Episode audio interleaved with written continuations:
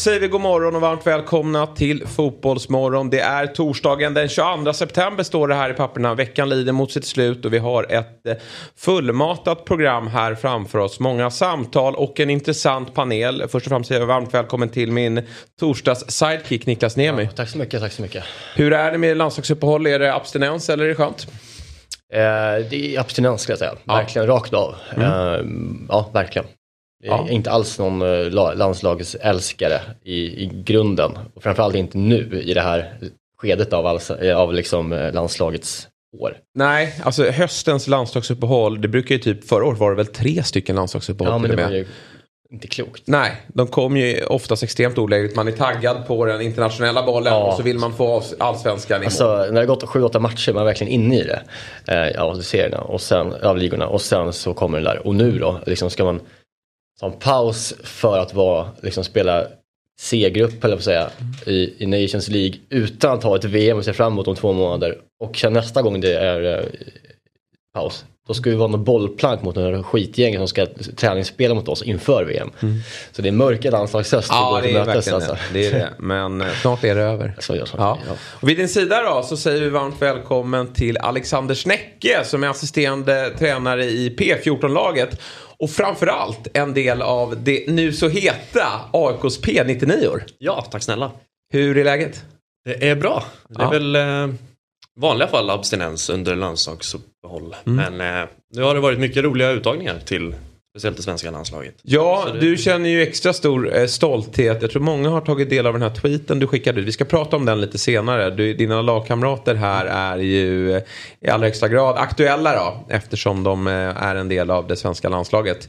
Alexander Isak, Isak Hien och Leopold Wahlstedt som gästade oss här i början av veckan. Som är Precis. din bästa polare också. Ja, stämmer. Ja. Vi har känt varandra sedan vi var sju, åtta år. Mm. Ja, okay. Och du jobbar till vardags i P14-laget? Ja. ja. Ehm, precis i P14. Jag började i februari i år. Mm. Eh, då jag la ner min egen spelarkarriär. Mm. Eh, så det blev ett ganska smidigt steg över dit. Mm. Ehm, eh, så att, ja, där är vi idag. Ja, du ska få berätta lite mer om ditt jobb och, och din karriär eh, och, och givetvis då dina lagkamrater lite senare. Det är eh, som sagt många samtal att ringa idag. Vi ska alldeles strax ringa upp eh, Slavik Jevtusjenko.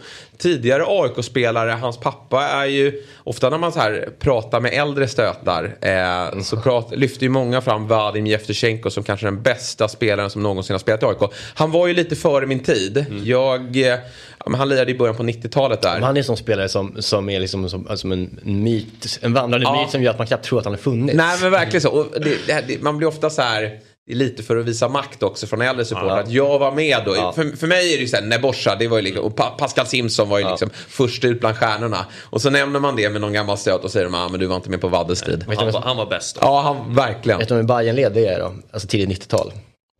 Oj, vem kan det vara? Som är en sån person som... som det är inte Kaj Eskelinen, nej, nej det var ju senare. Ja, tidigare här. Ja. En lite tidigare, ska jag säga. Eller han kanske var en överlappade, men Jens Gustafsson. Just det. Det, mm.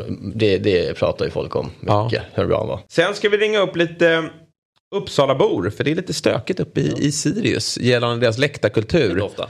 Vad sa du? Inte ofta. Nej, det är inte ofta. Det, är liksom, det om något det visar på att de är eh, på ja, frammarsch där Hade man sagt de orden för fem år sedan, de hade varit av en raljant ton om att det är tomt. Exakt. Uh, så det har hänt saker där uppe ja. som vi alla uppskattar ju. Ja, men så är det verkligen. De vissa, såklart. Det är... Um, tryck på läktarna mm. och det som alltid då får ju reaktioner. Eh, det är inte bara positivt tycker alla att det är eh, eld och annat. Nej, det var som när Östersund kom upp och hade lite, när, de får, när deras eh, klubbledning insåg att det fanns motståndarfans. Precis. Och blev jätterädda. Ja, exakt. Det, de trodde de skulle få spela inför ja. fortsatt tomma läktare. Ja. Men riktigt så blev det inte. Eh, men vi kommer även såklart då att eh, prata om den internationella fotbollen. Ikväll drar ju som sagt Nations League igång. Men vi vill börja med att säga att vi önskar Örebros SKs Martin Broberg all styrka.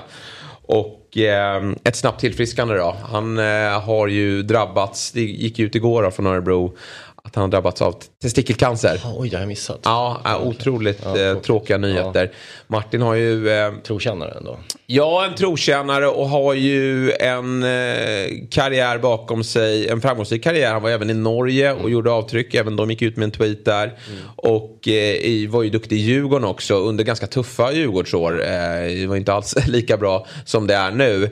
Men han har ju under hela karriären haft en hel del skadeproblem. Mm. Man känner, jag har ju alltid känt kring Martin Broberg att den där spelaren kan Aldrig kommit det sista. Nej men exakt. Det känns som en spelare som, som supportrar alltid uppskattade varje lag han har varit i. Ja. På något vis. Alltså det är liksom en gnuggare på ett sätt. Ja, liksom... ja men verkligen. Och haft ja, men gnugg och finess ja, tycker jag. Varit en poängspelare. Också. Men eh, och haft en del skadeproblem. Men det här är ju såklart eh, otroligt ja. hemskt. Och, vi hoppas eh, att Martin får som sagt ett snabbt tillfriskande. Vi tänker på det här från Fotbollsmorgon. Nu ska vi se, har vi med oss, vi ska väl gå rakt på sak här nu och, och ringa upp vi tar i lurarna här på en gång. Ska vi ringa upp Slavik Jevtusjenko? Han är inte bara Vaddes son utan han har även han spelat i, i AIK. Tjena Slavik! Eh, Jesper Hoffman här från ja, Fotbollsmorgon. Ja, jag men, jag, du, det har jag koll på. Det var lite för lyssnarna här. Jag minns dig mycket väl. Hur, hur många matcher blev det i AIK för din del? Ja, men det blev ett 20-tal matcher ändå. Både ja. lite allsvenskan, den gamla Intertoto-cupen, Svenska cupen och så. Så att det, det blev lite några insatser i alla fall. Några derbyn bland annat. Och sen om jag inte är helt ute och cyklar, blev det inte Brage också va? Det blev Brage. Jag var i Vallsta, Syrianska ett tag efter AIK där mm. och eh, samlade lite erfarenhet och sen så blev det Brage i tre år när de gick upp i Superettan 2010, 10 till 12 innan jag fick lägga skorna på hyllan och flytta ner till Skåne. Du, vi pratade lite kort här om din, din pappa, Vadim Jevtusjenko. Han var ju mm. lite före, eh, all, eh, liksom, alla vi som sitter i studion här, lite för unga för att eh, eh, minnas honom som fotbollsspelare. Men många håller honom som den, den eh, bästa i AIKs historia. Eh, vad minns du? Ja, jag, jag minns eh, såklart jättemycket där flytten till Sverige 89 när vi kom hit. Eh, pappa var nog, eh, jag vet inte om han var andra eller tredje sovjetiska idrottsmannen som fick flytta utomlands då när, när ridån föll och folk började komma ut lite grann utanför Sovjetunionen. Så det var jättestort. Vi kom hit 89, han var med i början på 90-talet och så SM-guldet såklart 92 år i stora. Vi vann AIK pojkar 80 vann Sankt Erikscupen samma år, så inom loppet av fyra fem dagar så blev de svenska mästare och vi blev eh, Sanktan-mästare. Så att det var jättespännande tid där och det minns man jättemycket såklart. Starka mm. minnen. Ja, ja, det förstår jag. Eh, du, eh, du, vi ringer dig för vi tänkte prata lite ligafotbollen i Ukraina. Ni spelade ju landslag, eh, lands, landskamp också, Nations League mot Skottland. Tyvärr har förlust med, med 3-0. Och Ja, det är ju mm. extremt tuffa tider eh, som ni eh, upplever just nu. Har du eh, släktingar kvar borta i Ukraina eller hur ser din kontakt ut? Ja, det har jag. Jag har hela min släkt kvar där. Nu har inte vi världens största släkt, eh, men ändå mostrar och mormor och kusiner och, och liksom närmsta kretsen är kvar där. Det är egentligen mamma och pappa som hade lite änglavakt som tog beslutet att flytta hem till Sverige i bara här november, december, två, tre månader innan kriget bröt ut. Det var liksom fortfarande ganska lugnt. Ingen kunde tänka sina vildaste drömmar att det skulle ske det som skedde i februari. Så det var ju ren, ren jäkla tur att, att de tog det beslutet. Och det känns såklart jättebra idag. Ja, Men annars är hela släkten kvar. Ja, och vad får ni för rapporter från dem då så att säga? Men det är just nu, de, de bor i Kiev-trakten allihopa, så att just nu så är det väl lugnt där i alla fall. Centrala delarna av Ukraina, Kiev och så västerut är väl hyfsat lugnt. Visst, det är kommer lite flyglarm då och då, men det är något som de har lärt sig att leva med. Men eh, känslan är att eh, livet börjar återgå hyfsat till det normala. Människor som fortfarande har jobb, som har möjlighet att bidra på något kreativt, konstruktivt sätt till både samhället eller armén eller medmänniskorna gör faktiskt det. Så det finns en driv, en, liksom en, en stark tro på att tids nog kommer allt att vara över och Ukraina kommer segra. Men de som kan göra något vettigt eh, gör verkligen det ja. på alla sätt och vis. Ja, men glädjande att, att höra eh, på något sätt. Vi, eh, om vi ska hålla oss lite till fotbollen då. Tidigare i somras så, så mötte just ditt gamla AIK då, eh, ett lag från eh, Ukraina, Vorskla Poltava. Och det var ju många inför mm. den här matchen. Jag minns eh, oddsen så var det ju att AIK skulle, jag tror AIK stod i 1.03 att gå vidare. För, och det hade väl väldigt mycket med förberedelserna att göra såklart och inte så mycket över, ehm, över kvaliteten på laget. För vi vet ju att den ukrainska ligan håller en, en, en hög nivå och framförallt då tänker man ju på Shakhtar Donetsk och har ett lag då kvalificerat sig till Europa. Då bör det ju vara en viss standard och det här blev ju en, en, en väldigt tuff match för AIK trots då att eh, Poltava inte hade spelat på, på Eh, ja, över sex månader har de inte spelat en tävlingsmatch. Vad, eh, vad skulle du säga om vi börjar där med, med nivån eh, ja, till vardags då? In, innan kriget, vad skulle du säga om nivån på den ukrainska ligan?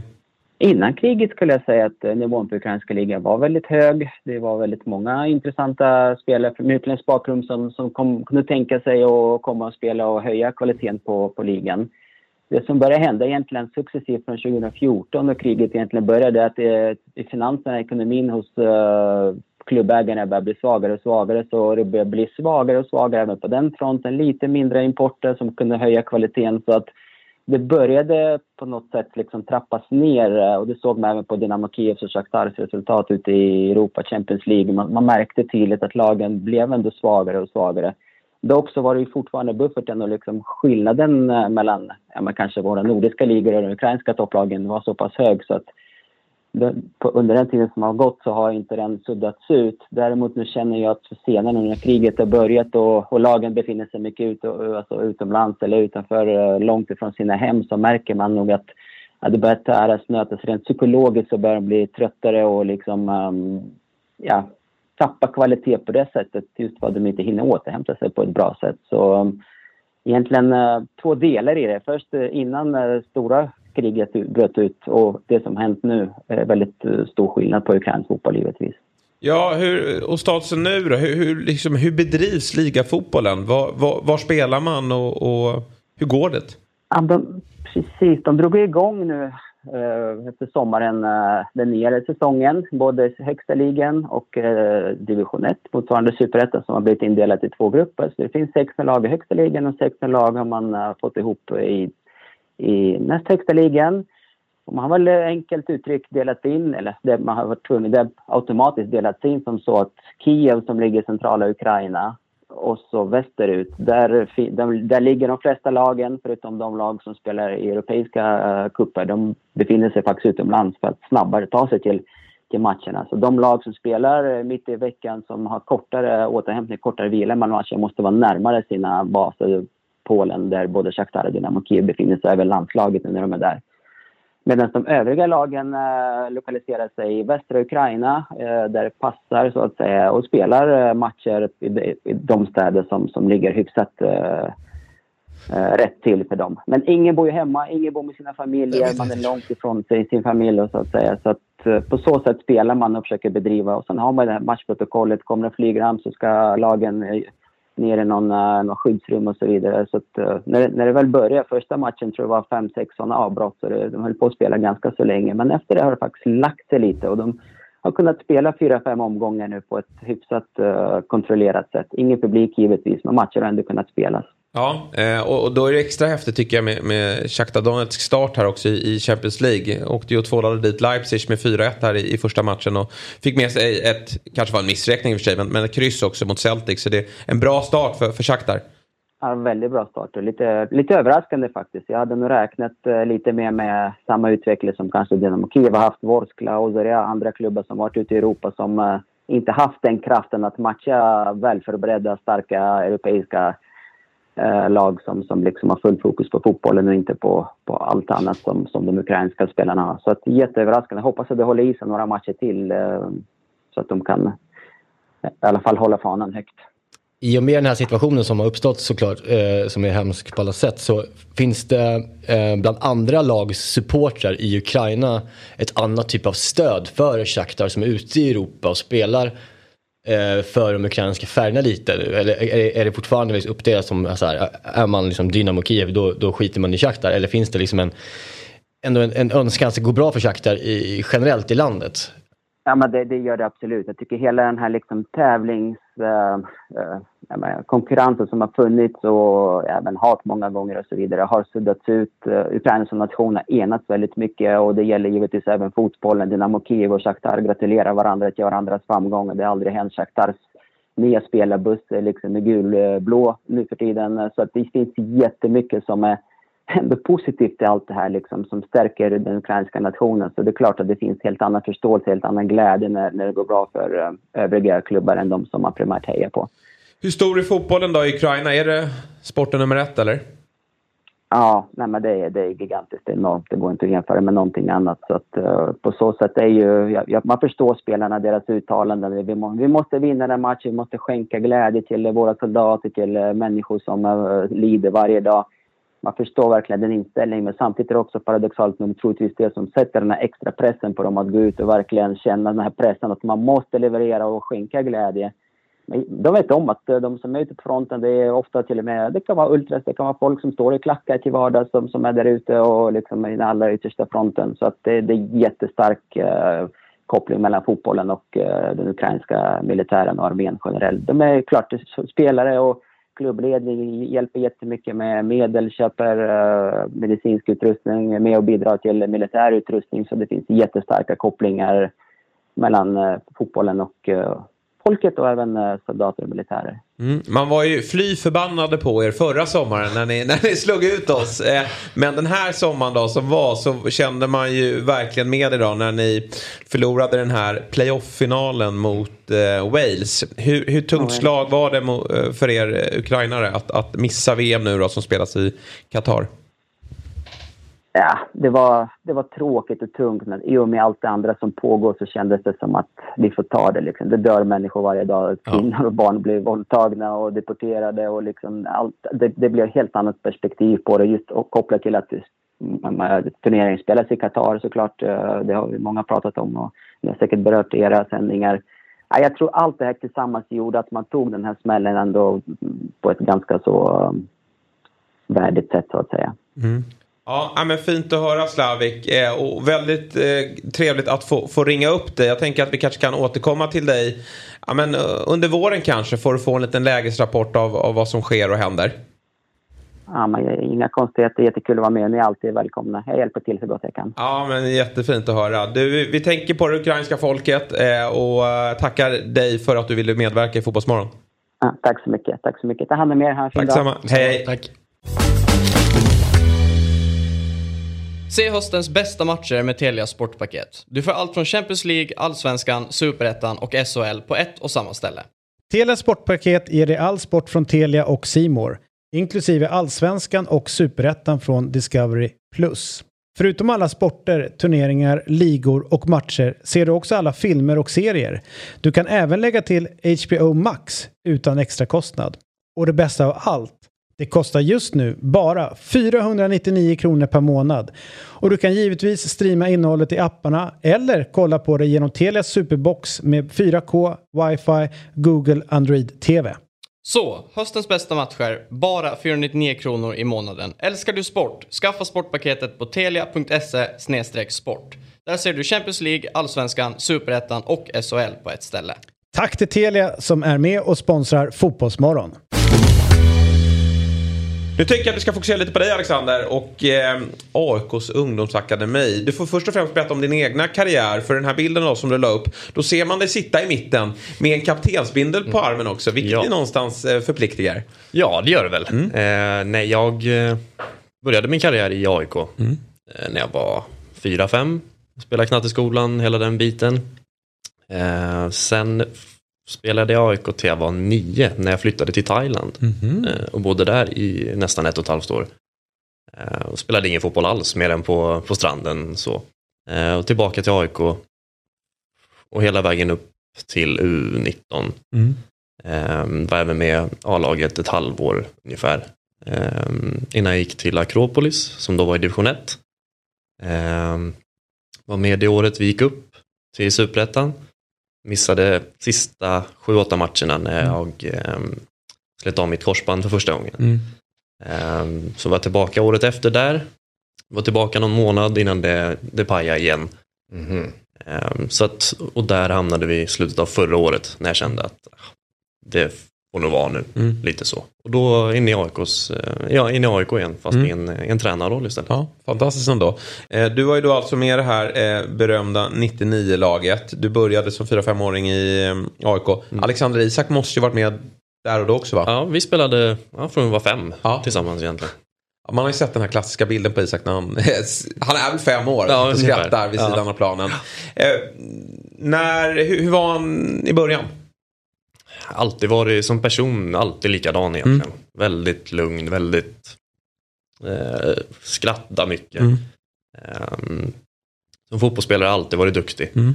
Ehm, men det var väl när han var ja, 15 Mm. ungefär som det bara small till.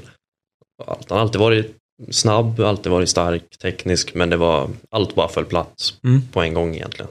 Så det såg ni då under en ganska kort period då eller efter någon sommar då eller så? Ja, lite så. Ja. Vi spelade U16 U17 när vi Mm. vann SM U17-guld det året. Eh, Då var det nästan att han tjup, så hoppade han över U19 och så var det uppe i A-laget direkt. För det gick Mm. så pass fort. Det var inte så att Henok hade inte fattade vem det var på någon träning. Mm. Och att han, för att Alex hade spelat mittback på en Ja, träning. precis.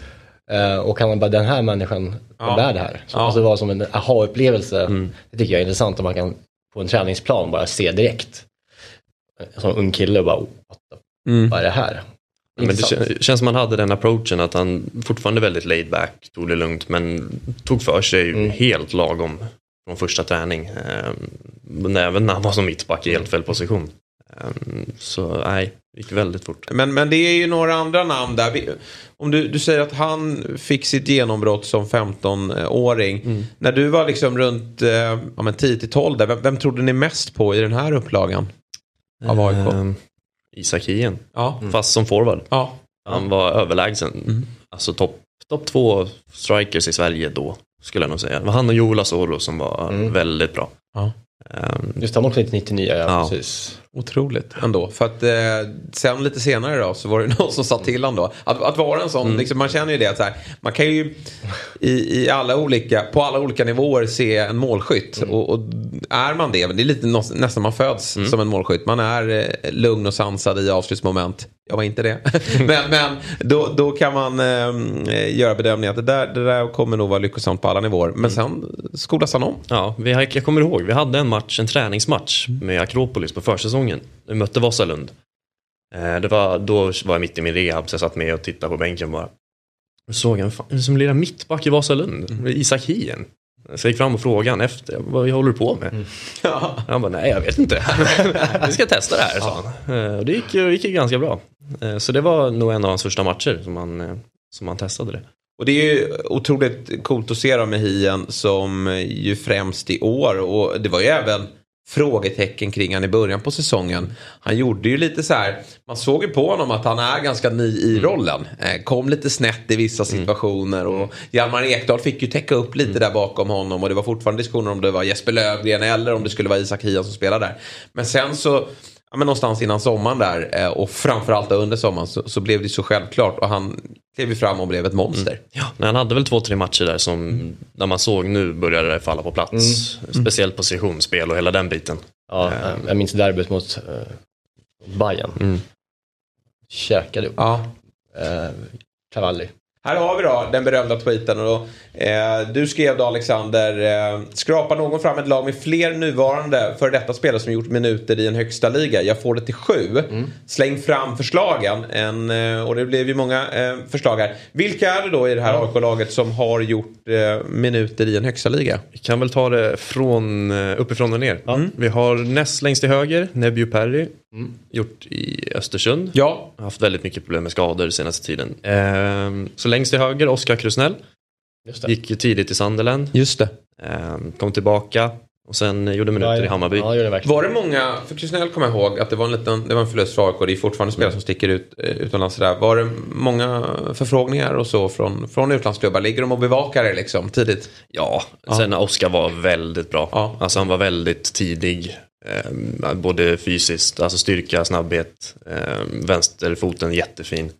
Eh, så han var väldigt bra när vi var 14-15. Eh, så det var inte konstigt alls egentligen. Nej. Att han försvann dit. Eh, ja, mittenraden längst till vänster har vi ju koll på. eh, Alexander Isak, Ja. Isak Hien. Mm. Sen har vi nedanför Alexander Isak, Albin Mörfelt. Just det. okej. Mm. Först i Mjällby. Just det. Han, nej, gjorde, ingen, gjorde han allsvenska minuter i Bayern? Det gjorde han inte. Nej, det är han inte. Nej, Så det var Mjällby och nu Degerfors. precis. Var han inte i Varberg var också, va? var, det är också, det är för mig det var. Jo, det stämmer. Ja. det var han Ja, först. Ja. Det var Ja. därifrån han gick till Norge. Precis. Så var det. Precis. Eh, bredvid där Leopold Wahlstedt. Ja, som gästade oss. Och där får du berätta om hans resa också. Den är ju häftig. Det är den verkligen. Ja.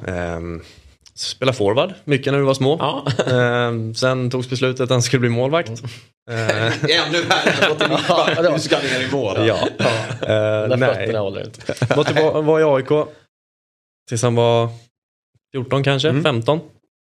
Eh, sen till Djursholm, var där ett par år innan han flyttade till Dalkurd först. Om det var en säsong, där han var andra målvakt tror jag. Eh, sen tog han steget till Norge eh, i division 1 där, vilket samma som division 1 i Sverige. Ja, jäklar. Eh, Hur landar man där? Alltså division 1 i Norge? som han har berättat det själv så var det väl en, ja, testa på någonting, Ja. en nystart någonstans. Vilken klubb var det? Vilken Eh, stad? Han gick till Arendal. Ja men det är fint, det är nere på Sörlandet, det är vackert. Okej. Det är liksom i Norge. Ja. Det är vackert, så det förstår jag, där kan man bo. Mm. Eh, Ehm, men ganska liten ja, ja, men det är liksom, det är stad, som, eh, liksom, ja precis, alltså så här fjällbackaläge, alltså det är sån typ av liksom, jäklar. liten Mm. idyll. Ja. Eh, Så där var han, om det var två eller tre år. Och sen nu till, eh, till Odd. Det det där, eh, började som andra målvakt men har, har tagit över den platsen. Så det har gått fort där också de senaste två, tre åren. Leopold var det. Sen har vi dig själv då. Ja, Eh, inte allsvenskan, men eh, kanske som tränare då. Eh, Ja. Lite längre fram. Och har vi, sen har vi längst ut på kanten va, också. precis. Justin Salmon. Just det. eh, Nu i Degerfors. Ja, ordinarie. Ja, Eller hur? ja jag har hyfsat i alla Ja, fall verkar ja. det som. Mm. Ehm, också en jättelång resa. Var i eh, Eskilstuna, AFC, massa klubbar egentligen i, i de lägre divisionerna innan han kom till Degerfors. Ehm, så också jättekul. Vi ska ju prata upp eh, kvällens höjdare. För det, vi har lite att prata om. Tillsammans då med eh, Telia Simor och ATG. Så har vi väl eh, äntligen lite fotboll på menyn. Det var ju Skottland, eh, Ukraina. Men ikväll är det landslagsfotboll. På vår Twitter då. Och även dob.one ATG finns våra speltips inför kvällen. För Myggan var ju här igår och levererade hur ni ska kunna vinna. Eh, vi tar upp matcherna här. Eh, Frankrike-Österrike har vi på menyn. Och där vet ju jag att eh, Frankrike har ju enorma skadeproblem. Mm. Och det är ju stökigt runt Frankrike. Man håller ju dem. Jag börjar ju nu redan kika lite på oddsen kring eh, VM. fotbolls-VM. Mm. Och liksom så här, man börjar titta på trupperna Mm. och lagen och skadeläget och sådär. Och Frankrike har ju så, precis som inför 21, EM 21 och 18, ett otroligt lag. Men väldigt mycket bekymmer. Mm. Och Mbappé det här med, med bildrättigheter och annat. Det, det, det kan ju inte vara bra. Nej, det, fy fan. Eller hur? Alltså, det där är en... Ja. Det där är inget bra. Eh, och eh, de är ju illa ute här i Nations League. Också ska sägas. Ja, De är, alltså, kan ju åka ur gruppen. Det hade varit... det en, ja, det hade verkligen varit. Så den här matchen är svinviktig. men, bryr, ja, men oavsett det, bryr de sig då? Alltså, jo men det, är tror jag ja. ändå. För det där är viktigt för sidning och annat. Och nu måste du bygga liksom någonting Ja. inför VM här. Ja, och jag sig. tror att många spelare känner att det, man har chansen Chansen. här nu också. Ja, där är så många out. Därför blås, Så- blåser de över Österrike med Ja, tre de mål. blåser på Österrike ikväll. För att Det- just det där, alltså att de har, det är många, många är borta, det finns någon som... Nu finns det chansen emellan. liksom. Ja, eh, vad heter han i Bayern München där vi gör mål liksom? Eh, Coman liksom. Den Just det. typen av spelare som inte är startspelare Nej. helt och hållet. Nej. Eh, så kanske ändå vill visa. Och Griezmann är ju med. Och får ju inte spela så mycket av... Får han spela full match här? Ja, men det får han 90 minuter här har vi förmodar. Ja. Och han är nog taggad på att bara få spela. Ja, Eh, starta en match. Ja, exakt. Ja. exakt. Eh, Så den matchen är viktig för dem. Eh, Och sen har vi ju toppmötet i den gruppen då. Kroatien-Danmark. Danmark leder ju Nations League. Mm. Är man en... Men tar man lite så här, man försöker vara lite kreddig när man säger att Danmark, hur långt kan de gå i VM? Många har dem ju liksom som, som en utmanare. Ja. Det är too much va? Ja, de åker Ja, tidigt. eh, de, Du åker tidigt till Ja, och med. Ja, men de, alltså nu, kul. det är Ja, väldigt verkligen. danskt att gå bra i, alltså så här, de, de, de, när danskar får lite skalle utan Ja. ja. pun intended, men alltså när de får lite eh, självförtroende. Ja. Då blir det liksom, eh, ja men, ta en Bayer eh, mentaliteten kommer in tror jag och jag tror att de ryker i gruppen i VM. Alltså det, det, det Och äntligen har de ju fått typ en liten linne. tuff eh, grupp. Ja. För de har ju alltid, Alltid. Eh, sina varma bollar. Ja, vad har de? Ska lottas. Ja, men så här. Tunisien. Vad har vi på Tunisien? Nej, det har vi inte. Nej, det har vi inte mycket koll på. Nej. Men eh, liksom, det är ändå nivå när du Ja. kommer från Afrika. Ja. Alltså, Ja. Det borde det vara. Sen Frankrike. Mm. Eh, men eh, då slår de väl dem bara för det. Nej men det är, det är liksom tuff match. Och sen avslutar de med eh, Australien. Mm. Mm. Ja, klart de går vidare såklart. De borde väl komma tvåa i den gruppen, tycker man. Åttondel får de. Ja, åttondel. Sen får det Där vara bra. stöter de ju patrull mot Ja. något, något bra lag. Och det är där de får bevisa sig då. De kommer ju tvåa i den tror Danmark gruppen. kommer kliva in och känna att vi ska vinna den här gruppen. Ja, det kommer de. Eller hur? Ja. Eh, och med tanke på vad Frankrike gjorde förra mästerskapet, problemen och sådär. Men det är ju en match att följa för man kan ju vinna den här Nations League. Eh, vi har Belgien-Wales ikväll också. Ja. Är- Belgien. Ja. Mm. Mm, vad har vi där tror ni? Börjar ta slut där va? Ja, lite så va? Wales. Hazard, det går ju inte. Lukaku ja, är som väl out va? Lukaku är out. Jag såg Belgiens trupp. Det är egentligen Ja. bara Batshuayi som är nia. Som man vet vem det är. Som är uttagen. patent Ja. va? Ja, bra. Ja, okej. Och skicka upp eh, De Bruyne då som falsk. Ja. Hazard är med.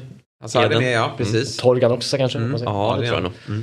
Mm. Nej, men det är fan det är rätt. Nej men det är lite sådär, nu har man till och med tröttnat på att säga att Belgien ska ha utmaning för Ja, VM. men det nu kanske kommer passar dem bra. Alltså, nu kommer de inte göra det ju. Nej. Alltså, det kan de inte. Eh, Mertens, Thielemans är ju med.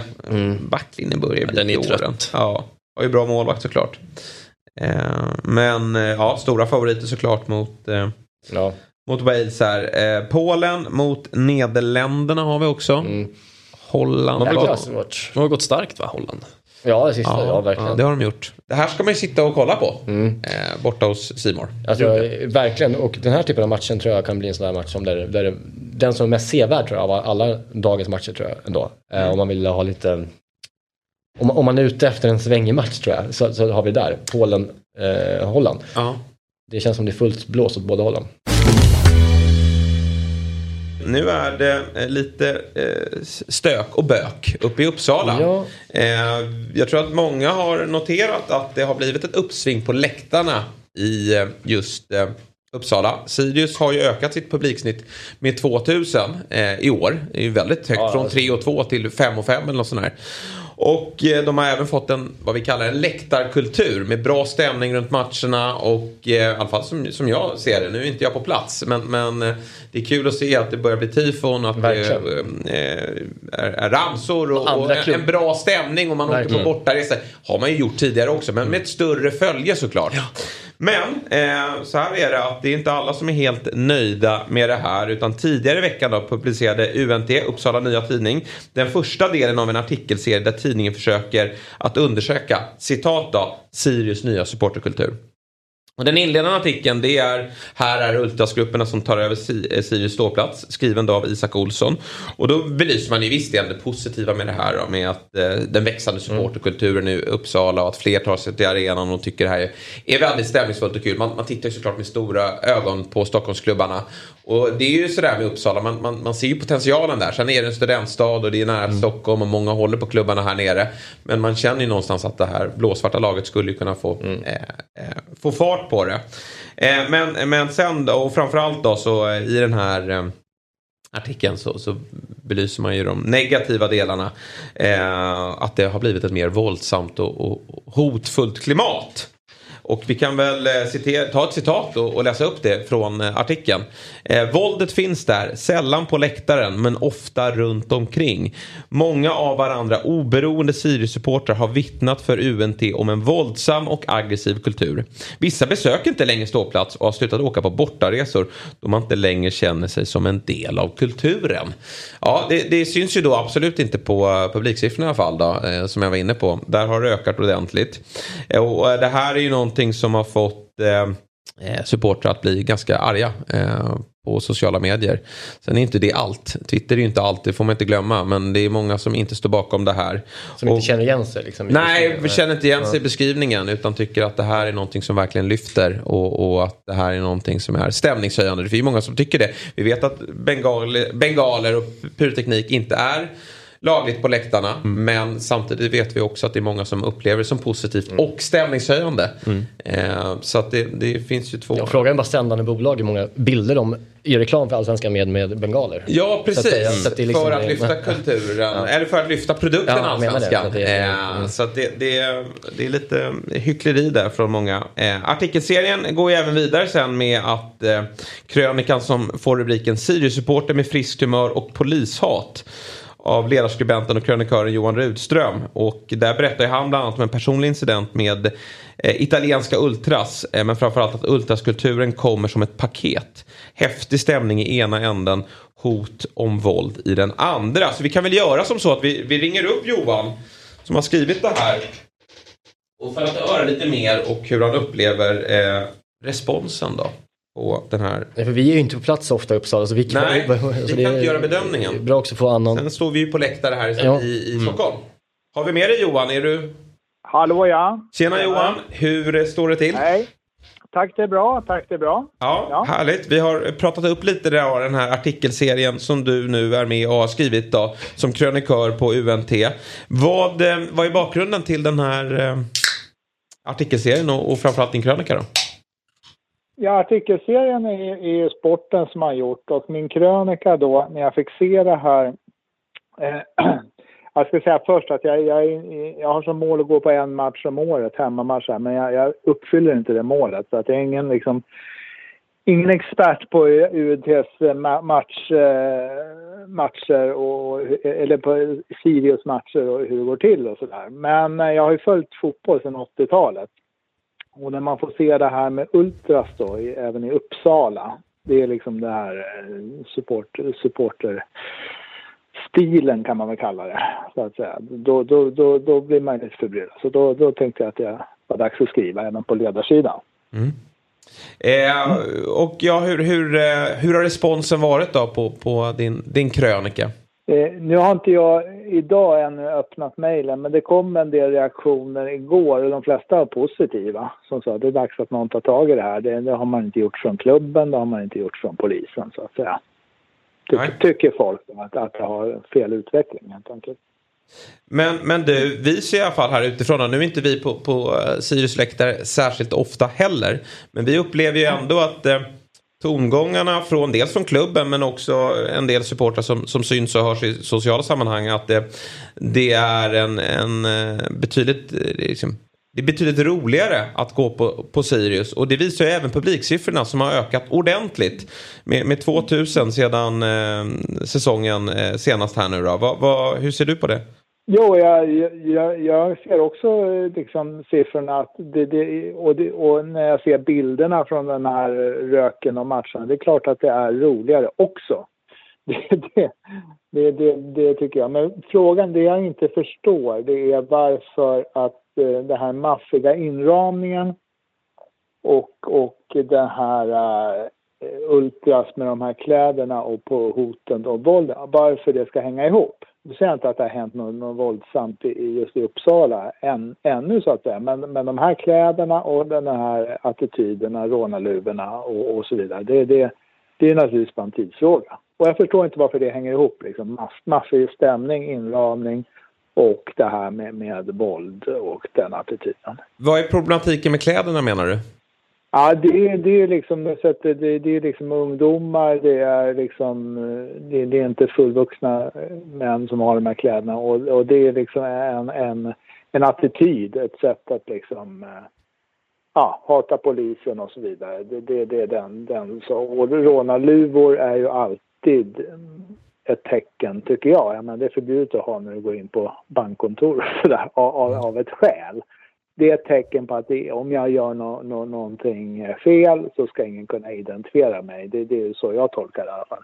Mm. Och, det, och, det, är ju så att man, man, man inte får tända pyroteknik på, på matcherna och det är väl därför då som de här eh, rånarluvorna är, är på. Det, det är klart att man, man, man kan ju ta avstånd till det. Samtidigt så måste man väl också kunna se fördelarna då med, med att det, det växer sig ett intresse på läktarna och det här är ju en, en, en samlingsplats. Jag är ju själv fostrad på en läktare. Och, men betydligt fler ska sägas då eftersom jag är AIK-supporter och, och, tycker väl att också att det, det, det, finns ju inslag där, där idioter, vi har ju haft en del, liksom, nu tycker jag ändå att det har varit hyfsat lugnt. Men det var ju en incident här på, eh, i derbyt mot Hammarby som såklart är, är, är tråkigt. Men eh, jag tycker ändå att det är väldigt mycket positivt som kommer ur det här också. Kan du, kan du se de positiva delarna med att det, det växer sig en, en, en stämning och, och en, ja, en, en eh, samhörighet på läktarna? Definitivt. Och mycket folk och mycket mycket kul och fint. Det är det liksom, det toppen. Jag menar 99 procent är ju jättebra alltså. Och kul för Uppsala också att det går bra för Sirius att det kommer folk. Men, men och, jag menar man kommer aldrig att kunna utesluta eh, att, att det händer saker heller. Att folk, folk blir liksom eh, engagerade och att det är någon, någon som kommer att, det kommer att någon kommer att få en smäll på käften och så vidare. Det har alltid hänt och kommer alltid att hända. Men det är det organiserade som jag reagerade på då. Att mm. det, klädseln och grejerna. Och att det, det, det, är liksom fel väg att gå även för Uppsala. Men jag förstår lockelsen. Jag förstår när AIK ligger liksom före och storklubbarna. Det är liksom, ju större klubb, desto roligare, desto farligare också. Jag förstår inte liksom sambandet där. Jag Nej. förstår det för, för supportrarna kanske lite grann, men jag förstår det inte från polisen och från klubbarna så att, säga, att man ser mellan fingrarna på det, om man nu gör det. Det får man ju svara på här. Ja, nej, för klubbarna är det ju också så här, det, det är ju en balansgång det där. De, de, eh, Sirius känner ju ett uppsving, det ser vi inte bara på, rent, rent sportsligt så går man ju starkt även om man kanske har en lite tuffare tid bakom sig. Men, men det här eh, ger, ju, ger ju bra pengar och, och, man förstår ju att det här är någonting som, som skapar ett större intresse för klubben också. Och då kanske man då kan se lite eh, mellan fingrarna när det just kommer till eh, pyroteknik. Då. För det har ju återigen då inte skett något, något våldsamt ännu då på, på, på Sirius läktare. Och det sker ju i jämförelse med andra typer av evenemang ändå ganska lite våld inne på allsvenska arenor. Mm. Ja, nej, men jag, eh, jag, jag, hoppas att det inte händer någonting heller. Men, men jag ser liksom tecknen nu på, på att det Och jag får, får väl vara lite partyförstörare och komma in från, ja. från sidan så att jag som inte bevakar sporten normalt så att det, och säga att det här är faktiskt inte supportrar, det här är liksom eh, i, internationellt sett och det här är liksom brottslingar, brottsprovokationer och det är, och i Sirius fall så finns det liksom den här, den här vägen då som man, som man kan gå in på med mm. de här nya ACM och vad det nu heter, supportergruppen. Ja. Mm. Eh, mm. För vi, vi då från fotbollssidan, vi, vi vi tycker såklart att det är tråkigt när, när just våldshändelser eh, sker. Samtidigt så blir ju vi lite irriterade på media också. Då, när, när, nu är vi en del av media också men man, vi, vi, så, eh, vi, tycker ju vi tycker om fotbollen så mycket och den kultur som finns där. Och vi känner ju att vi, vi möter ju motstånd i, i fikarummet på jobbet när den här typen av krönikörer och, och artiklar kommer ut. Just för att man måste ju också kunna lyfta fram det positiva med det här. Jag tycker väl att det är det i, i tidningar och tv, all media varje dag lyfts fram otroligt mycket positivt med de här bilderna och, och, och de här tifo och, och liksom sånger och det finns ju liksom förebilder. Men det, jag tycker jag ska titta på, på England då som, som också har, har i Liverpool med flera och, och jag har varit på olika arenor i London och jag menar så, sången och stämningen är helt otrolig där. Men på 80-talet stämmer inte, nej det nej. kanske inte stämmer på Arsenals nya stadion men, men på det gamla var det helt fantastiskt. Mm, ja, då stökades det också. Mm. Ja. ja Välkommen alltså, på ett Stockholmsderby. Det var ju livsfarligt att gå på fotboll på England. Va? Men det där fixade man då liksom, med, med de här värsta men, men kriminella. För, eh, problem, eh, hej, förlåt, Niklas heter jag. Eh, när man, när man eh, då är utifrån och lyfter eh, de här frågorna och kommer med exempel som just England som är ett väldigt uttjatat argument utifrån för, för fotbollssupportrar. Ja där vi vet vad som händer, att det är tyst och man, det har inte stå upp och det liksom är en icke-kultur. Mm. Så drar man undan benen på det som är fotbollskulturen i Sverige. Alltså man, man, man pissar på det och människorna som gör allting. Genom att säga att kolla på England. Och det har vi hört i 20 år nu. Ja, okej. Okay. Ja, alltså det är liksom, alltså, mm, Det tar, det tar bort ja, allt men- då som, som, som eh, är kultur. Och, och det är ju som så att England har ju världens bästa fotbollsspelare på plan. Man kan ju faktiskt gå dit och, och titta på, på otroligt skickliga fotbollsspelare. Vi är ju Europas 23 bästa liga. Och eh, där är det ju, men, men vi kanske har, är Europas bästa liga när det kommer till stämning. Och, och jag, jag står inte bakom våld. Men så länge vi inte har våld eh, på läktarna och i ganska liten utsträckning faktiskt runt om även i landet. I Sirius har vi ju extremt lite våld. Då, då ehm, är det väl ändå positivt att, att fler nu börjar ta sig till studenternas. Jag håller med. Så länge vi inte har våld så är det jättepositivt. Och man måste, man kan ju faktiskt inte ha kakan och äta den samtidigt. eh, Och med det sagt så innebär inte det våldet. Men med en, en levande läktare och en supporterkultur så kanske kommer inslag som gemene man inte är van att se. Men det är också en del av hela ultraskulturen som skapar stämningen, som sätter förutsättningarna för att läktaren ska fyllas och att produkten, studenternas, eh, ska bli attraktiv. Både för tv-rättigheter och för, för andra supportrar. Så att liksom det, det, man, man kan liksom inte ba, jag tycker inte man kan fokusera på de små sakerna som man stör sig på i det stora hela. För att då har vi ingenting. Så känner jag. Ja. Jag tycker då inte eh, på samma sätt att det är små saker och eh, de, de här eh, i, i kanten och, och de här uppmaningarna så att. Och jag tycker att man, ja, man, alla evenemang måste kunna ha kakan och äta den också. Man Ja. kan inte acceptera, det, det, är liksom, det, det är upp till klubbarna och polisen att hålla rent från det här. Och det kan man göra med, med kontroller, med klädsel och så vidare. Och, ja. Ja, ja. men, eh, tack Johan. Det är min Eh, intressant att höra Ja. dina tankar. Så ska vi prata med en, med en Sirius-supporter här alldeles strax och höra lite hans syn på det hela. Okej, Stort tack för att du tog dig tid. ja, tack ska du ha. Ha det bra. Hej. Hej då. Ja, eh, en match om året var Johan på plats. Är Johan på plats. Och det är väl lite, lite underlag va? Det kan man väl tycka. Eller hur? Ja, men det är ju det som är problemet. Att, eh, de här krönikorna som får så stort genomslag skrivs ju ofta av människor som inte är på plats. Så det gör ju då att man liksom så här, kan ta till, ta till kritiken för att det blir så anekdotiskt berättande och bevisföring som är så här, okej, men, men eh, vi, vi, vi står inte ens på samma liksom, platå här. Nej. Så vi pratar inte om samma sak ens. Så att det, det, det är svårt och det, det, är en, det, är en, det är en, eh, en debatt som är väldigt, väldigt ojämn så att säga. Ja.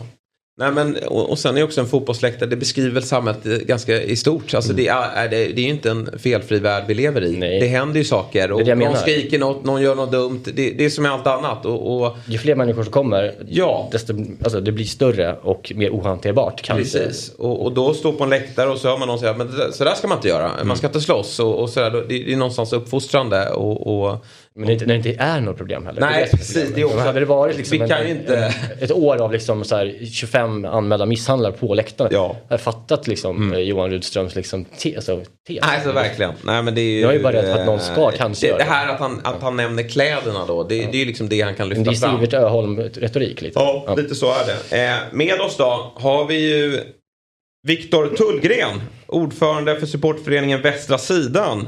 Eh, jag vet inte om du hängde med på samtalet innan här. Vi ringde upp då krönikören på UNT Johan Rudström. Mm.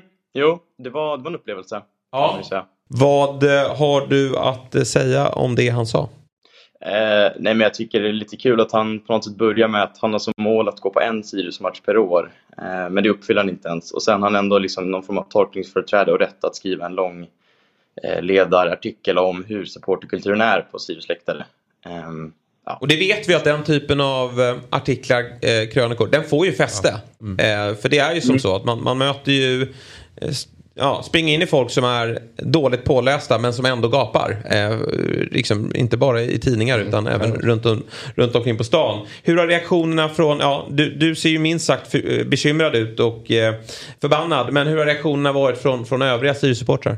Alltså, den absoluta majoriteten av alla Sirius-supportrar, liksom, oavsett eh, vilken typ av support man är, man ska säga, oavsett hur man klär sig, för att eh, kopplat till Johans eh, kommentar, så är det, alla är ju ganska upprörda och menar att de känner sig felporträtterade och liksom misskrediterade och lite har man målats upp som någon form av att alla är polishatare, kriminella och ja, lyssna på hårdrock typ. Ehm, nej, men det, det, det känns som att man är rädd för någonting som det är en irrationell rädsla tycker jag, ifrån just liksom, UNTs håll. Då. Eh, och de flesta supporter tror jag inte håller med. Ehm, ja, nej, jag tycker att det, det känns helt uh, absurt. Och det, det är så trist att man ska behöva stå och försvara sig som supporter.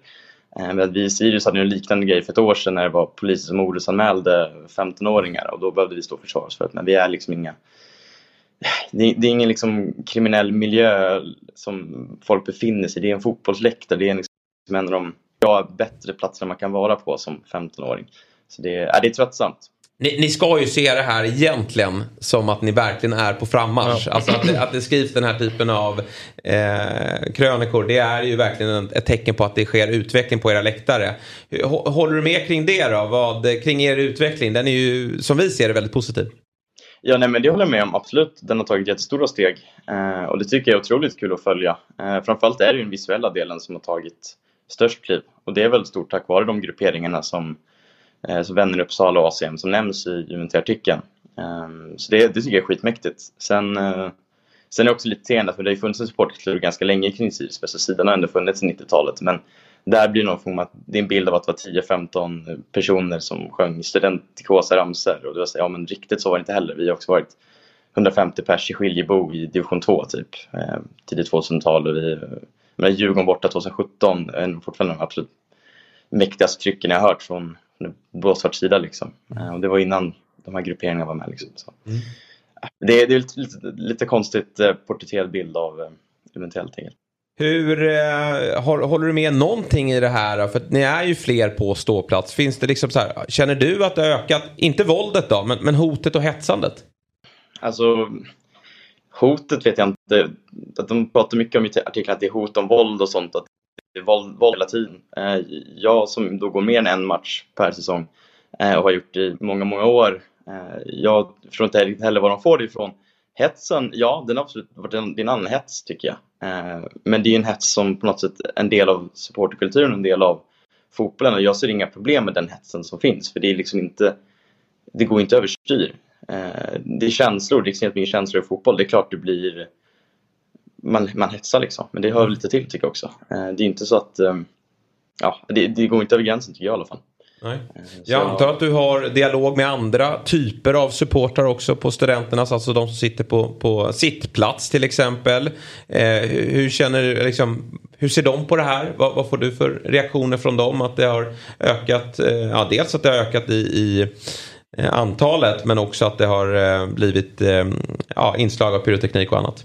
Alltså, som, som jag sa tidigare också med att de flesta känner sig felporträtterade av den här artikelserien så kändes de flesta att det här är ändå att det är kul. Eh, och som ni varit inne på, Sirius har ju ökat publiksnittet och det är ju tror jag en ganska starkt bidragande orsak till det och faktor är att vi har ökat liksom, det visuella stödet och att det finns, det är liksom men fotbollen i sig är ganska tråkig när det gäller Sirius. Eh, jag går helst inte för, liksom, vi kommer torska sjätte raka snart liksom. Eh, Nej då, men då nästa. Ingen fara. ja, skönt. Nej men ni, ni förstår vad jag menar, det är liksom mm. inte fotbollen som lockar kanske när det gäller Sirius. Eh, det finns någonting annat och det är skitkul och sen är det, men det är så mycket ungdomar och Uppsala har varit svårt att få publik. Mm. Men nu, nu är de här och förhoppningsvis med för att stanna. Jag frågar, man återvänder till artikelserien igen här. Alltså, vad tror du att den här liksom, eh, artikelserien springer ur? Och alltså, varför skrivs den just nu och av lokaltidningen? Finns det någon, har det funnits någon, någon, någon schism emellan er så att säga tidigare? Eh, nej, absolut inte funnits någon schism eller någonting sånt. Eh, jag vet inte riktigt vad, för det är väl Isak Olsson som artikeln, han är väl någon form av sportchef, så det är väl han som lite får stå som ansvarig för artikelserien. Eh, jag tror han vill göra någon form av gräv och liksom tänka nu har han hittat någonting eh, att skriva en ny liksom, supporterkultur eller vad han vill uttrycka sig som och det kan man, det kan man väl skriva om. Eh, problemet är att den är så extremt onyanserad och det är ärligt liksom talat ganska dålig journalistik. Så jag förstår inte riktigt vad hans mål är och det är väl det som också är konstigt med texten för jag vet inte vad de landar i. De, de skriver någonting men sen säger men vad vill ni då? För vill ni liksom porträttera hela läktaren som kriminella och livsfarliga ultras eller, liksom, eller vill ni hylla den? Så det är som att man, man förstår inte riktigt vad målet är. Ehm, men ja, jag, jag, förstår faktiskt inte. Jag, jag, har, inte läst, jag har inte läst artikelserien men, men finns, det finns ingen alltså händelse som man utgår, tar avstamp ifrån som är liksom... Jo, han är på plats matchen mot Häcken va, är det väl?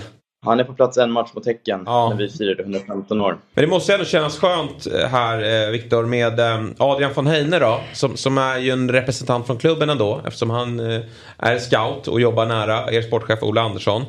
Och eh, han, skriver en tweet igår kväll då. När den lokala tidningen famlar och kliver helt snett finns det tre saker att göra.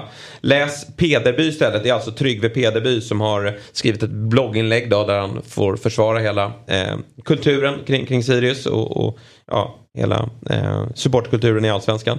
Swisha tifokassan. Köp biljett på Arkens Gärde till matchen mot AIK. Och så avslutar han med det som händer på, på Studans ståplats är så jäkla häftigt och något att vara väldigt stolt över. Mm. Ja, jag bara hålla med Adrian där. Det är klockrent sagt. Ja, vi avslutar med de orden och tackar dig så mycket Viktor för att du var med och fick svara upp för eh, ja, de här eh, mindre roliga artikel, artiklarna som har släppts på UNT. Ja, tack så mycket.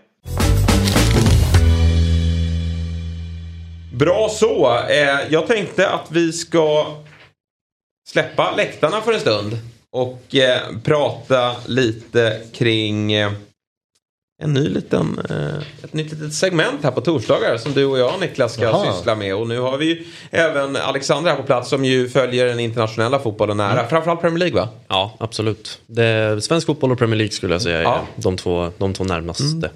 Då har vi samma eh, intressen då. Precis. I, i, eh, men eh, vi ska inte prata om Arsenal. Eh, för de går ju väldigt bra. Det är tråkigt. Ja, det är tråkigt. Kanske får in lite inslag av Arsenal här. Och kliva, vika in dem lite Ja, någonstans. de hade ju kunnat kanske vara med om vi hade spelat in Fotbollsmorgon eh, tidigare säsonger. För vi ska nämligen prata om de fem största underpresterarna i topp 5-ligorna. Ja, ja då. Så det hade ju passat Arsenal alldeles Mm, utmärkt fram tills nu. Men nu gör man, underpresterar man verkligen Ja, det gillar man. Under, under människor som underpresterar. Ja, Eller det är- klubbar som gör det. Det är är härligt. människor. Ja, det är människor, det är klubbar. Ja, det lät jäkligt hårt. Men, men eh, klubbar eh, som underpresterar är ju eh, alltid intressanta att kika lite närmare på. Vi har ju tagit de eh, fem största ligorna.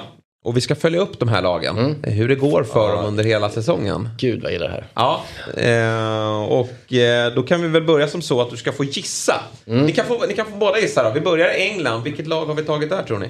Som underpresterar. Alltså då har vi förväntningar såklart på det. Eh, Ja. Som kommer med Så det. är det ju. Det underpresterar just nu? Just nu, absolut. Får det ju bli. Så, eh, Everton, eh, West Ham, Ja.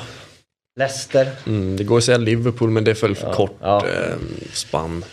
Ja, nu får ni välja ett lag. Everton skulle jag nog. Ja, sk- Everton. Säger. Mm. Nej, vi har faktiskt Leicester där. Ja. ja, men det är klart. Som vi ska prata lite mer om. De har ju en del deg också. Ja, men exakt. Och vi kan väl eh, börja med det här. Eh, sedan ligasegern 15-16 då så har de ju varit ett stabilt lag. Alltså Rodgers har ju haft...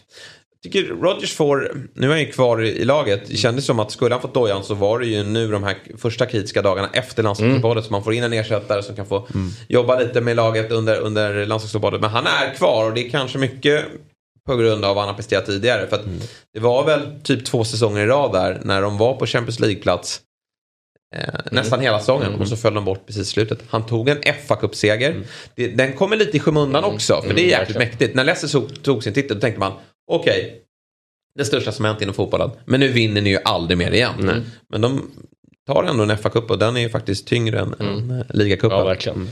Eh, Men i år är det ju total eh, pyspunka. Eh, och, och det har ju hela, liksom, under hela sommaren pratats om deras ekonomiska bekymmer. Eh, och vad det beror på det är ju att man, man har ju skrivit ganska stora kontrakt. Eh, liksom man har ju steppat upp organisationen och skrivit stora, dyra kontrakt med, med eh, bra spelare. Och sen tror jag man har lagt väldigt mycket pengar på den här otroligt feta träningsanläggningen också. Som förhoppningsvis eh, över tid ger resultat. Då. Men, men eh, den här sommaren har det varit eh, jobbigt. Och det har ju lett till att man har sålt några spelare men inte så många ändå. Nej, jag tänkte också det. Precis, det är inte Brightons sä- sälja så att säga. Men, och där har vi liksom ett typexempel på en välmående Ja, ja, klubb. ja. Att, ja, vi, har, vi får fram bra Nej, det- spelare, värvar billigt, säljer dyrt, men vi har redan liksom gubbar på väg Men alla de, alltså, både Tillman som hade Madison är kvar. Alltså, Ja. jag menar, Absolut. Vardy förlänger. Eh, alltså, mer, de är där. Ja, Kastar Harvey. Barnes Ja. finns där också och eh, de har eh, bra ytterbackar. Alltså, sen har de ju haft en del skadeproblem i, i det där förslaget. Eh, eh, Ndidi, den centrala Mm. mittfältaren som har ryktats till, till större klubbar. Det har liksom varit han och Bissoma som, de, som har, ska ta klivet från the rest-lagen upp till Big Six för att stabilisera mittfälten. Men, men eh, han är kvar men, men har inte presterat särskilt väl. Eh, och sen då eh, Schmeichel. Över till Nice och sen Fofana då. Ja. Men samtidigt var ju Fofana, han var ju knappt delaktig i Han fjol. spelade inte jättemycket Nej. matcher i Leicester. Alltså Precis. totalt. Nej, för att han, han eh, precis, när han slog igenom, alltså man såg ju direkt potentialen i honom. Men så kom den här hemska, Mm. det hemska benbrottet på försäsongen i fjol. Och eh, fick ju ingen speltid. Men det, det är ett märkligt eh, tapp här kring, Mm. kring Leicester. Verkligen. Alltså jag, men när man ser till startelvan så tycker jag den, den är ganska bra fortfarande. Ja. Eh, det är väl försvarsleden som det är lite med Johnny Evans och eh, Amartey, lite skakigt kanske. Eh, och sen Kasper Schmeichel som har försvunnit. Eh, men alltså framåt tycker jag det ser, ser bra ut fortfarande. Så jag tycker det är konstigt hur, eh, hur det kan se ut som det Ja, gör. ja vi, vi följer Leicester då, eh, Ja, helt det- enkelt. Eh, Nu kommer de inte förlora i helgen då, eftersom Nej, det är inte spelas någon fotboll. Vi tar oss till Italien. Ja. Vad har vi där då? Ja, vad vi Italien? ska- Det är ju många såklart. Men Juventus är väl uppenbara. Ja, så är det ju. Det blir väl Juventus som vi är måste ju- ta här. Jäklar alltså, det, där är det fritt fall. Ja, där är det mörkt. Mm. Och eh, inte en seger i varken ligan eller Champions League under september månad. Nej. Och det var ju Juventus som allt, de rustar väl alltid på något sätt. De gör ju alltid spännande fönster. Men det var ju alltså Vlahovic in i januari. Den får man inte glömma. Nej, verkligen. Eh, Det var ju en, en riktigt jävla tung värvning någonstans. Man kände ju att Vlahovic, han går till England. Ja. För det, det är liksom Ja, det, det naturliga nu. Ja, ja, men, men han blir kvar och Juventus som då, där och då kände att shit. Inter har vunnit och, och nu kanske inte vinner, vinner ligan det här året. Det var ett statement inte gjorde. Ja, men, det var, så, här, så här, de har inte råd, det var ju snacket. De kommer, han kommer gå utomlands. Det var snacket ju. Ja, och i somras då. Bremer, Kostic, Milik som har varit bra. Mm. Di Maria, Pogba och Paredes. Det är eh, plånkan på vid gavel här. Ja, det är tunga, tunga värvningar Ja. faktiskt. Men kvar är eh, Max Allegri. Ja. Sjukt nog. Ja, sjukt Men de har nog. inte råd, ja, de har inte råd att Men sparka vad är det då? Att man 25. inte har råd att sparka? Hur sätter Ja. man sig i den Ja, situationen? ja, men precis. Det är, inte, det är så jävla... Det är misskött. Ja, men det, det är ett miss, det är en misskött klubb. Agnelli och, och, och vad heter de? Um, eh, ja, skitsamma. Fa- Ägarfamiljen. Ja. Alltså de, de bryr sig ju inte om klubben längre. Nej. De sätter ju liksom, den, den är ju, det är ju som så här. Det är någon sidoprojekt så här. De bryr sig bara om F1. Mm. ja. Pogba går sönder direkt. Pogba går Ja. sönder direkt eh, och det är också så här att värva in Pogba, nu var ju han förvisso gratis eh, ju, eh, men han har ju en bra lön såklart. Men med hans skadehistorik och den ålder han är i, att liksom lägga de pengarna och den, det, det fokuset i truppen på att ta in en Pogba i det läget Juventus är i, tyder ju också på någon så här idioti. Ja. Vad, vad spelar han? De har räknat högt. Om de tänker, om, om de gör, vad heter det här, J-Medical, vad heter det? De har ju den här stora Juventus-läkare och grejer. Ja. När de gör, gör undersökning på honom och kollar historiken, alltså vad räknar de med? Räknar man med liksom max 20 matcher per år på Pogba? Alltså med hans skadehistorik. Det, det är liksom, med den spelaren, den löneposten, den, det fokus han tar i en trupp. Alltså jag tycker det är så idiotiskt Nej, precis. Och det som händer runt om honom nu med, med brorsan Ja. där. Ja. det, är inte, det, det, men det är inte så överraskande tycker jag. Alltså, även om det är sjuk, en sjuk grej. Mm. Ja, jo, jo. Så är det inte så konstigt att det händer märkliga saker runt Paul Pogba. Nej. Och det är klart att man någonstans minns tillbaka hur dominant han var i Juventus innan han stack Ja. till United. Samtidigt har det gått Tio det år. Nej, men det har gått fyra år. Vad skrev han med United? Men jag tror att han gjorde fyra eller fem säsonger i Manchester United. Det. Där han... Nej, jag tror inte det var längre. Fem år kanske. Mm. Eh, Men han gjorde ju... Ja. Ja, men, om det nu var fyra eller fem bleka säsonger ändå. Mm. Ja, alltså, ja, det är klart att han blixtrade till. Ja, men och så ja, var det ett VM däremellan ja. också. Där han... eh, Det säger mycket tror jag. Ja. Alltså det är det han räddades med. Ja, att både, precis. två mästerskap där han var skitbra. Ja, Eh, exakt. Han var, ju, han var ju faktiskt rätt bra i det här EMet när man, när Ja. man rök liksom. Där han visar liksom så här, här är Pogba. Liksom. Eh, och, det, och det är klart man blir förblindad av det. Och framförallt om man har en historia i klubben så klart att man så här, minns tillbaka hur det var. Vi har tagit honom en gång tidigare för United när han var bortsållad. Eh, nu, då gjorde vi honom så bra. Nu händer det igen. Nu ska vi ta in honom igen. Precis. Eh, Hur ofta blir det bra när man går tillbaka till sin gamla Nej, det Nej, är... alltså det är inte ofta. Det är en, eh, det är en Borrell-sägning som, som Ja, stämmer eh, ofta.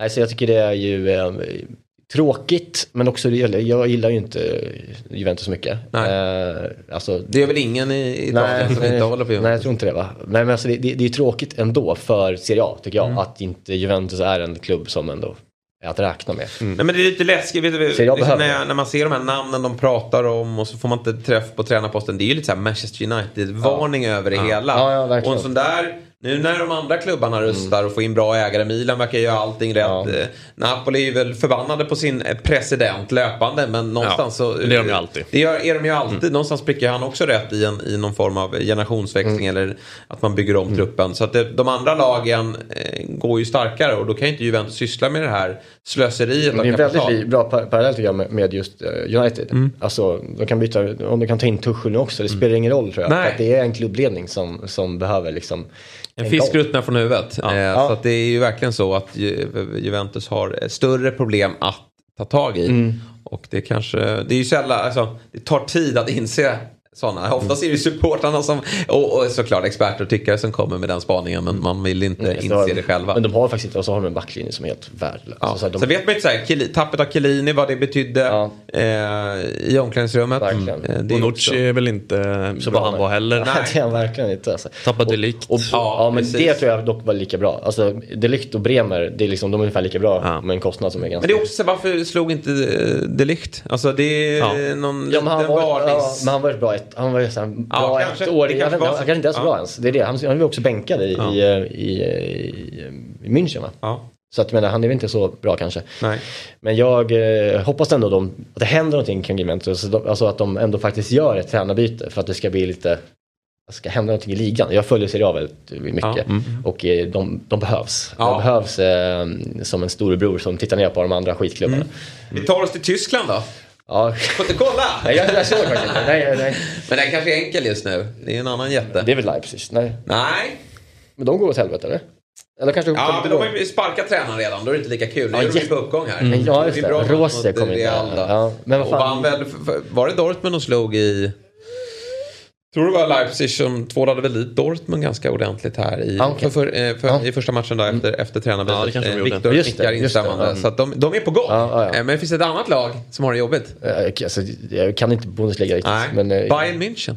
Ja, det är klart ja. Hur jobbigt har de det? Nej, Ja, men det är fyra Ja, raka utan det är så. vinst här nu. Just det, just det. Eh, Jag har bara hört att de eh, Två torskar. några poäng efter och att de har... Ja, fem poäng efter upp Ja. till eh, Union Berlin då. Men där behöver man inte vara rolig.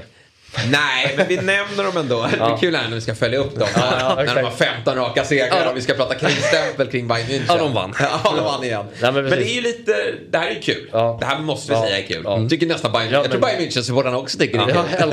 De vill ha en jakt. Ja. Oh. Ja, men lite så. För det är väl tio raka ligatitlar de har va? I, i, i Tyskland. Ja, de, Eh, tvåsiffrigt kom de väl upp Ja, precis. Och eh, så vill man ju inte ha det i någon liga. Nej, nej verkligen inte. Nej, det vore skitkul om de, om de liksom missade Champions League till och med. Alltså, det kommer aldrig ske, såklart. Nej. Men jag, man har ju, jag har, jag man, eh, jag har otroligt svårt för, för deras tränare. Alltså, Ja, Nagelsmann. där blir jag lite som eh, den här UNT-reportern, kläderna. Ja, Det är kläderna. inte okej att se ut sådär. Nej, jag håller med. Där Det, det, jag ska fan skriva en krönika Där har vi en I UNT. klädspaning. Där han är, hans jävla kostymer. Nej men alltså de här jävla Paradise Hotel-byxorna på Ja. sig ibland. Alltså det, är inte- det är inte bra alltså. Och sen också med Bayern München som ja, ta- tappar ju Lewandowski, det, det ska ju Jo. sägas. Eh, men det, det finns ju mycket eh, unga där. Mm. Delict har kommit in och vi har ju även Sadio Mané då. Eh, och de började ju så bra, det var ju någon 7-0 seger Ja, här tidigt på precis. säsongen också. Ja, det, ja. I, I ligan, de rivstartade och man kände bara, "Ja, men det är bara att skicka ut eh, pokalen och så kan ni göra som PSG, fokusera på Champions League. Ja. Men nu eh, så... så... Men de åker också och städar av, inte städar av, de vinner mot Barca liksom. Och Inter. Ja. Men det nämner vi inte. Nej, jag menar såhär, Augsburg. Absolut. Det- det- Nej, men det kanske är lite ofokuserat där. För Ja, jag, men det är ett jävla lag alltså. Ja. Det, de ska ju vara där uppe såklart. De ska vinna där med 10 poäng i den ligan. En inte fullt lika stor klubb, men lite popklubb då, borta i Frankrike. Vad har vi där? Det här blir svårt för. Ja, okej, det är en popklubb uh, Ja, jag känner ändå att det finns något poppigt i det. Ja, men eh, kan det vara... Här hade jag gärna varit fotbollsproffs. Ja, Nice. Ja, Jaha. Ja. ja vad trevligt. ja, de går åt Jag var där i somras faktiskt. Det Ja, var därför ja, jag med. Ja. Det, är, det är jävligt trevligt där alltså. Mm, det eh, måste Jag sägas. sprang in i Kasper Dolberg gjorde jag. Ja, I en liten mataffär bara. Jaså? Stod i godishyllan. Den är sjuk. När man är då på plats. Ja. Eh, och så, man har ju alltid fotbollskopplingen. Eh, och så stöter man in honom. Fan, Ja, ja, kvar där. Alltså det var ett hål i väggen. En jätteliten mataffär bara. Åh, fan. Ja. Han är stor, eller hur? Ja, Fotbollsspelare handlar alltså. ja. ja, men det är mäktigt. Och han har ju fått eh, en lagkamrat här, eller en landsman ska sägas. Ja. I form av Kasper Schmeichel. Mm, precis. För att, eh, lyssnar vi här på Ja. vad de har värvat. tänkte ju säga det, de har bra. Schmeichel, Ramsey. Alltså... Mm. Aaron. Aaron, inte Jacob i Aston Villa. Ross Barkley. Mm. Eh, Niklas Pepe. Eh, och Sofiane Diop från Monaco. Han kostade 22 miljoner euro. Det är ju ganska många spelare som gillar har en ganska gott liv. Ja, Och inte kanske lite åker dit så för. va. Alltså är, har inte alla här, eh, ja vi får ju se med Alla har, ju en, alla har ju en sån här sommarsemesterskandal i sig. Ja. Eh, Alla de här. Har Kasper det då? Jag läste Nej, om, inte det kom någon notis Fast pappa har det. om att eh, han hade skapat eh, problem i omklädningsrummet i Nice. Kasper? Ja, Har Kasper det? jag för mig det. Mm, ser. Farsan som är inne och eh, rotar Man tyckte att han gjorde den perfekta flytten här nu. Ja. När han lämnade då eh, krislaget Leicester. Mm. Han såg liksom det här kommer barka åt helvete. Ja. Nu går jag till, åker till Rivieran och uh, lägger mig tre, på, två, år, eh, ja. på stränderna. Eh, men eh, mardrömsstart då. Åtta poäng på de åtta inledande matcherna. Och det är ingen bra start på den här för jag menar, har man rustat sådär. Ja, herregud alltså. Ska man ju sikta på Champions League. Ja, ja. Eller hur? Absolut. Eh, men och det, så kan det väl bli. Men, men en De är ändå liksom en, en, en, klubb som ska ligga oavsett eh, de där värvningarna på en, en kanske 6, 7, 8. Slåss Exakt. eh, i konferensplatserna. Ja, man har ju satsat under en tid. Alltså, eh, man tog in Kasper Dolberg från Ajax var det väl och Balotelli var där Ja, en, en vända. Så det har ju funnits eh, kvalitetsspelare i laget. Men, men den här sommaren har man verkligen eh, stämt i bäcken. Men det har inte funkat. Nu kommer vi till eh, din liga här också. Spanien som Spanien. Vem, vem tror vi tar, vilka tar vi där då? Mm, men då kanske vi tar ett lag som... Ett Champions League-lag. Mm, Sevilla såklart. Herregud, Ja. det är det enda laget som är krisen. Ja, Eh, Just det. Mardrömsstart va? Ja, herregud.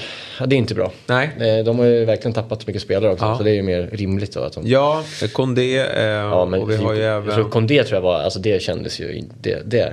Det är tungt tapp. Ja. Och även Diego Carlos som också var med i backlinjen. Och Augustinsson. Ja. Ja. Eh, Viktig för omklädningsrummet. Och vet inte, han tränaren, eh, Lopetegui va? Ja. Mm, det känns ju också som att det är lite av en sån här Brennan Rodgers bluff på något vis. Ja, är det så? Alltså det är ingen spelutvecklare heller, så det är liksom Nej. någon som folk tröttnar på lite också tror jag. Eh, osmidig generellt sådär. Eh, och det är tråkigt, men Sevilla tycker jag ska ju vara där också. Mm. Vad var det som hände när han fick dojan i spanska landslaget? Han det var ju ut. Han skulle träna parallellt va? Ja, han gick ut, det var, gick, i typ presskonferensen innan premiärmatchen Ja. i eh, VM 18.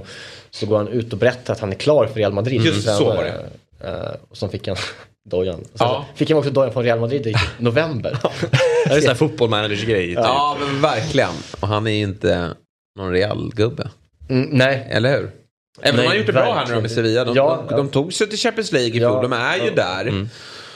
Och där har man väl inte heller börjat jättebra. Nu har man ju City då, men, men krysset mot eh, Köpenhamn, Köpenhamn, va? var ju en missräkning såklart. Den såg jag matchen, den matchen Ja. såg jag och de var helt jävla värdelösa. Ja, var ju allt går snett. 0-0 blev det va? Eh, Köpenhamn närmare en seger, Ja. eh, verkligen.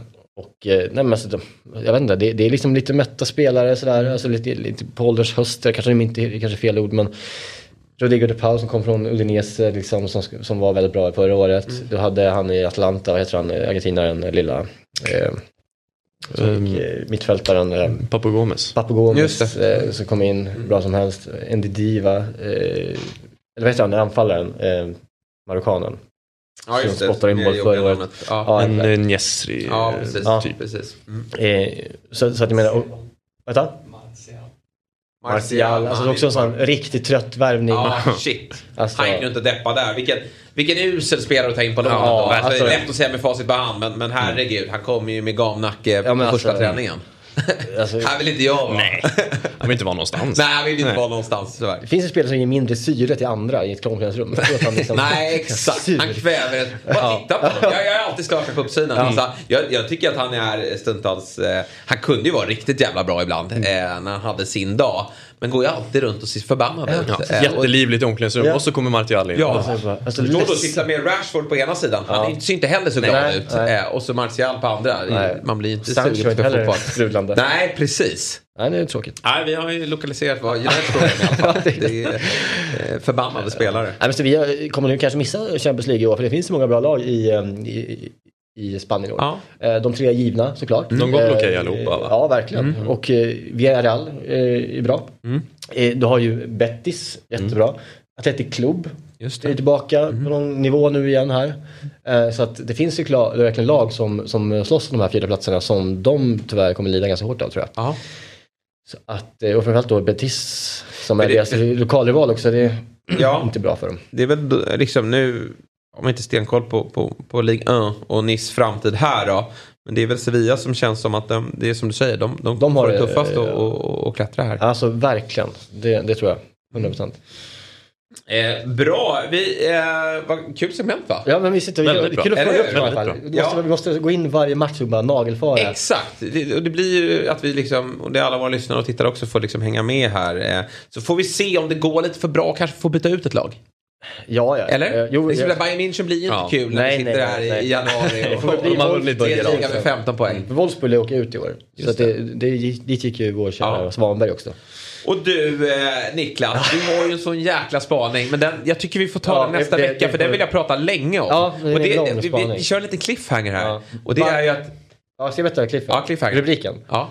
Alltså, jag, jag kan berätta, alltså, jag, kan, jag kan berätta. Nej, var- bara rubriken. Ja, jag kan berätta varför IFK Norrköping spelar i Superettan 2025. Med 100% säkerhet. Ja, med 100% säkerhet så har Niklas eh, eh, under dina eh, timmar på nätterna då, när Ja. din eh, son håller dig vaken Ja. så har du eh, konstaterat Ja. i din eh, forskning att Norrköping spelar i Superettan Den är 2025. väl underbyggd. Ja, den är väl underbyggd. Jag har ju sett din, ditt, eh, ditt hantverk Ja. och eh, de är ut. Ja. De är De ute. de är ur. Som. Han drar den i nästa sättning. Ni är ute. Kul att gå ut med det. Den här ska vidare. Den ska liksom sätta sig. Supporterna ger upp. Ja. Nej, Det är det är en cliff nästa, nästa torsdag så kommer en stor genomgång. Då, då eh, ska vi få tid för den. För det här blev så trevligt och vi Ja. hade så mycket att, att snacka om. Bra så. Vi är väl klara där va? För idag. Vilket, eh, ja jag, jag säger- tycker alltid det är men det kul att sitta är här. så mysigt att starta dagen Eller med hur? som eh, pratar fotboll bara. Mm. Och eh, det är så mycket olika saker som händer. Det är liksom Ukraina och det är eh, någon UNT-gubbe. Ja, precis. Men det är ju som liksom fotbollen, Ja. det är ju en Hela. spegelbild av, av samhället. Ja. Det finns ju så mycket att prata om. Och jäkligt kul att ha med dig Alexander. Väldigt kul att vara här. Ja, eh, du lyssnar och tittar på oss sen tidigare. Jo, men det du kollar ju dobb och spelar fantasy ja. och, och sådär. Det ska vi inte ja. prata om nu längre. Jo, men det kan vi göra. det tar vi efter. Eh, jättekul att du var med. Varmt välkommen Tack tillbaka. snälla. Och Niklas, vi ses ju ses. redan nästa vecka. Och i helgen ska jag göra ditt pastarecept också. Just det, kan ni testa. Gå in på recept tack Ja. eh, och kolla eh, skaldjurspastan. Och jag lyssnar inte bara för att du är med där, men jävla fin podd. Ja, men roligt, tack Ja. så mycket. Mm. Och som sagt nästa vecka så får ni också veta varför. Just det, får Norrköping åker ur 2025. Nej, Eh, åker ur 24. 24 åker de ut. Spelar Spelar Superettan, Superettan. 25. Ja, studsar de tillbaka? Det, det får du forska i sen. Ja, vi ja, ja, vi tar det senare. Eh, tack för att ni har lyssnat och tittat. Vi hörs imorgon igen.